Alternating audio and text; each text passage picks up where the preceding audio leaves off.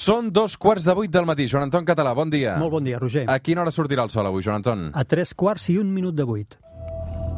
Три, два, один. Шагание.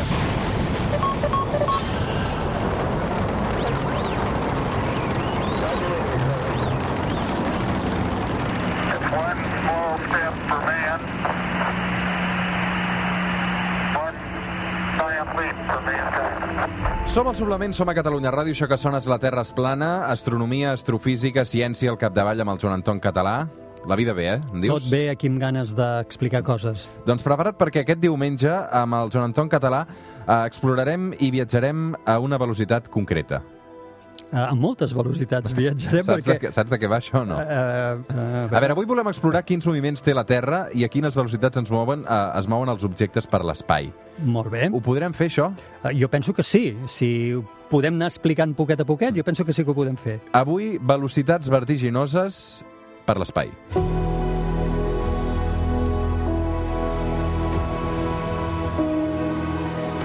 veure, comencem amb matisos. Quan parlem de velocitat, de què parlem? Clar, perquè eh, el concepte velocitat és relatiu, totalment relatiu. És l'exemple Ja comencem, típic. eh? No, no, no, però això no té res a veure amb la relativitat de l'Einstein. Això és més senzill, això ja ho sabia el Galileu, ja ho sabia el Newton, i ho sabia molta gent, que és que jo puc dir que eh, estic aturat, ara mateix, Mhm. respecte a tu, jo no m'estic movent i en canvi estem girant a la Terra. Eh? O anem dins un, un vagó de tren a tota velocitat i en canvi jo estic, jo diria, estic quiet, estic immòbil i en canvi em veurà una persona des de fora i dirà que, que, que has d'estar immòbil si t'estàs movent a no sé quan. Per tant, Ara, quan parlarem de velocitats, durant tot el programa, hem d'entendre que són velocitats relatives respecte en algun, en algun observador que està fora d'aquell sistema. Per exemple, quan parlem de que la Terra gira, doncs és algú que ens estés mirant des de fora de la Terra. Mm. Val?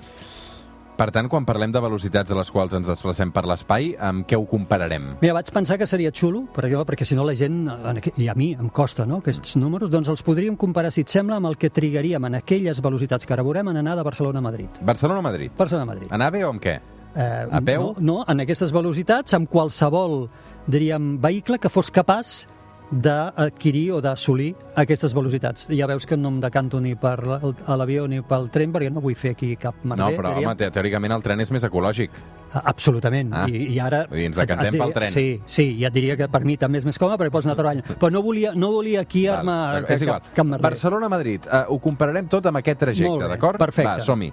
El moviment més evident de la Terra d'entrada és el de rotació. El de rotació. Això m'ho sé. Molt bé, doncs... A quina velocitat roda? sabràs que girem a 24 hores 56 minuts 4 segons, llavors sabent això i sabent el diàmetre de la Terra, eh, és relativament senzill en una calculadora de veure en quina velocitat girem. I quan ho fas, resulta que a l'equador, si estàs a l'equador, aquest planeta gira a 1.670 quilòmetres per hora. Això vol dir que en aquesta velocitat arribaries a Madrid en 18 minuts Carai.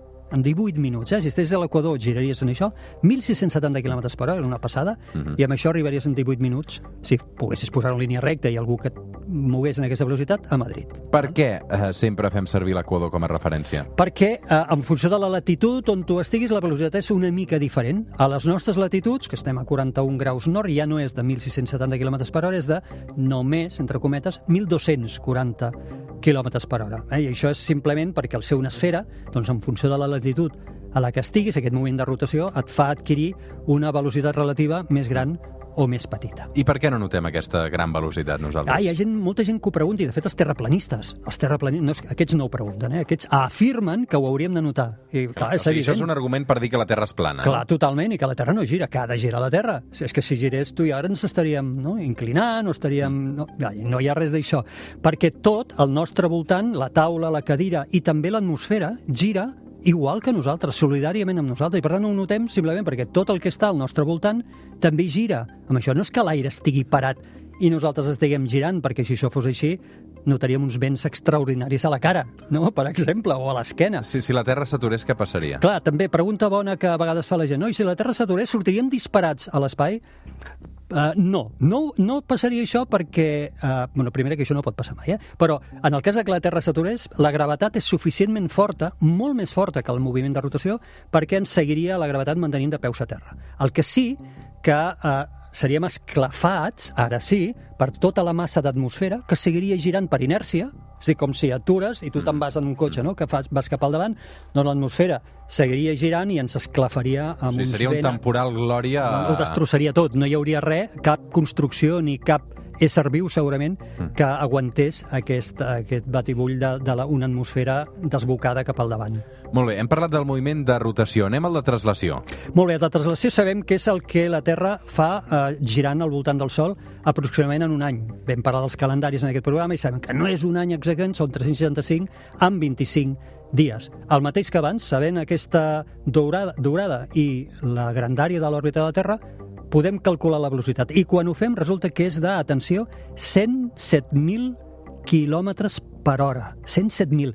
En això et plantaries a Madrid amb 17 segons. Imagina't. Ens movem i no ho notem, eh? Fixa't, el que estem parlant de velocitats enormes. I, en canvi, com que, com que són constants i, a més, són solidàries, no ho notem, però aquí estan, aquí estan. El sistema solar també es mou, Joan Anton? Sí, l'univers tot es mou, tot es mou. Llavors, com ho fa el sistema solar? El sistema solar, així com la Terra es mou al voltant del Sol, el Sol es mou al voltant de la galàxia. La galàxia, recordem, eh, així figuradament, seria, és una ciutat còsmica, jo sempre l'explico com si el Sol fos un edifici, una galàxia seria Barcelona, o Lleida, o Girona, o Tarragona, seria una ciutat, doncs nosaltres girem al voltant del centre de gravetat de la galàxia, el Sol. I el Sol això ho fa, i nosaltres també, amb 230 milions d'anys. 230 milions d'anys és el que triga el sistema solar en donar un tom sencer al voltant de la galàxia.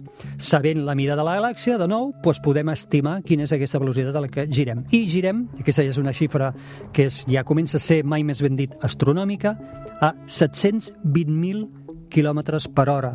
A 720.000 quilòmetres per hora tu fas un Barcelona-Madrid amb dos segons i mig. Carai. Aguanta, dos segons i mig. Per cert, en aquest moviment, que és molt xulo d'intentar imaginar el que vaig a dir ara, si algú ens mirés des de fora, Sí, si veuríem- veus des de, des de la galàxia, no? Sí, des de fora del sistema solar, veuria el Sol avançar, molt lentament, això ho fan 230 milions d'anys, els planetes tots girant al voltant del Sol, però com que el Sol està avançant, en veritat el que veuria l'observador de fora seria una espiral, que els planetes el que estan descrivint no és un cercle al voltant del Sol, sinó que és una espiral intentant atrapar el Sol, saps? És dir, el Sol avançant i tots els planetes al darrere fent espirals eh, seguint el Sol. Deu ser una imatge bastant xula, passada a càmera ràpida, diríem... Mm. Sí, perquè has de 230 tenir una mica de paciència, Sí, sí. 230 milions d'anys per poder que hi hagi un tom sencer. Molt gràfica aquesta imatge que ens explicava ara el Joan Anton Català. Um, a tot això, parlant de galàxies, clar, uh, la Terra es mou, el sistema solar dius que es mou, la nostra galàxia també es va desplaçant? Tot també es mou. Hi ha diversos moviments a la nostra galàxia. Aquí en parlarem dels dos principals. Un d'ells, que segurament interessarà també molt a la gent, és que la nostra gran ciutat còsmica, la Via Làctea, la nostra galàxia, i la galàxia d'Andròmeda, que encara és una mica més gran que la nostra, estan en via de col·lisió, estan en via de xocar. S'estan dirigint a tota pastilla, per gravetat, una cap a l'altra. I aquest tot, tota pastilla vol dir a una velocitat de 400.000 quilòmetres per hora. Arribaries a Madrid en 4 segons i mig. A 400.000 km per hora, dos enormes ciutats plenes amb milers de milions d'estrelles estan dirigint una a l'altra amb la intenció de xocar. Però, Ah, No, jo a vegades quan la gent m'ho explica, ah, xocaran, xocaran, sí, mira, en anomenem xoc, però en veritat no ho és. Mm. Hauríem de dir una fusió.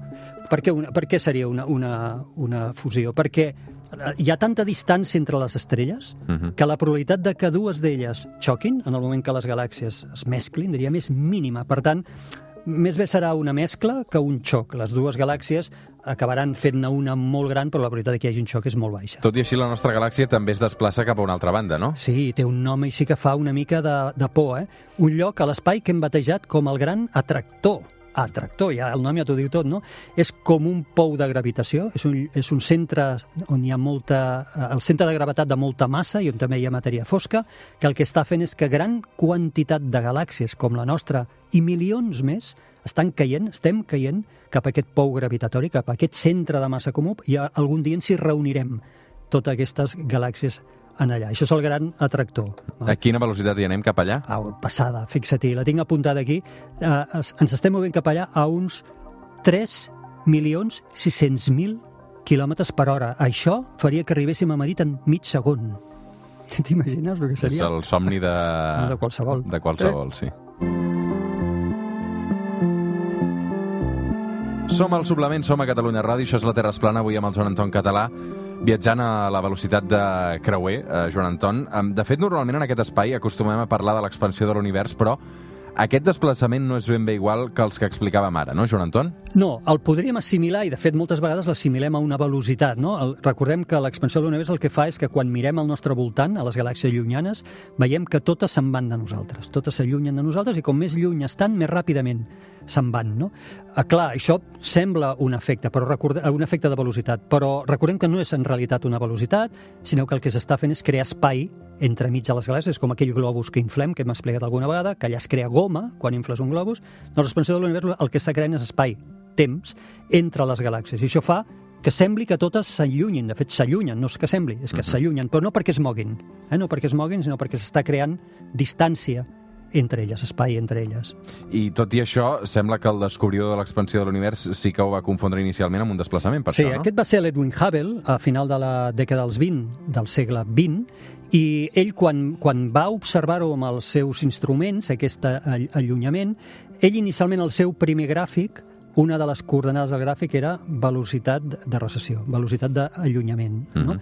El que passa que de seguida ell mateix va veure que això no, no podia ser una mm, velocitat real, perquè si fos una velocitat real, no, això no explica l'expansió de l'univers. Si fos una velocitat real, això a lo millor ens faria al revés, suposar una altra vegada una visió absolutament cèntrica nostra en el mig de l'univers, veient com tot s'allunya, tot se'n va de nosaltres. I, I no és així. L'expansió de l'univers, com que es crea espai entre les galàxies, és igual vista des d'aquí que des d'Andròmeda, que des d'una galàxia superallunyada. Totes elles observaran que estan quietes Mhm. i que són les de més les que s'allunyen d'ella. Mm. Uh, si ho haguéssim d'assimilar tot plegat a una velocitat, quina seria? Clar, en funció del lloc on estiguis de l'univers, la velocitat seria més o menys gran. Jo he fet un cas de, a veure, com ens allunyaríem eh, d'una d'una galàxia que posem, eh, per, per exemple, que està a 3.000 milions d'anys llum de nosaltres. Doncs un objecte que estigui a 3.000 milions d'anys llum de nosaltres, la, el veuríem allunyar-se a una velocitat de 70.000 quilòmetres per segon. 70.000 quilòmetres, ja no estem parlant de quilòmetres per hora, fixa't, eh?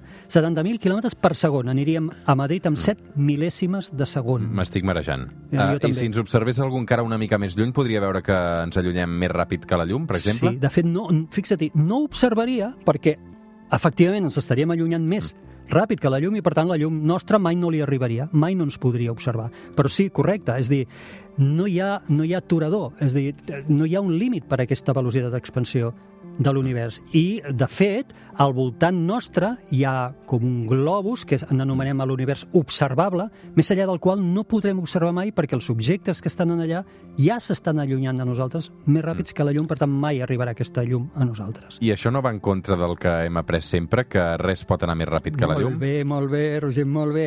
Eh, sí, aquí, eh, si t'hagués posat aquesta pregunta en l'examen, hagués estat pregunta trampa, eh? Sí, clar. perquè tu haguessis contestat això i tens raó, però l'expansió de l'univers té un truc, que és que no hi ha cap moviment de res, com dèiem. La relativitat especial de l'Einstein prohibeix que qualsevol objecte es pugui moure més ràpid que la llum en el buit, però aquí no hi ha cap objecte que estigui corrent. És expansió de l'univers, vol dir que s'està creant espai. Les galàxies poden estar perfectament tranquil·letes sense moure's, per tant no hi ha límit per a aquesta expansió.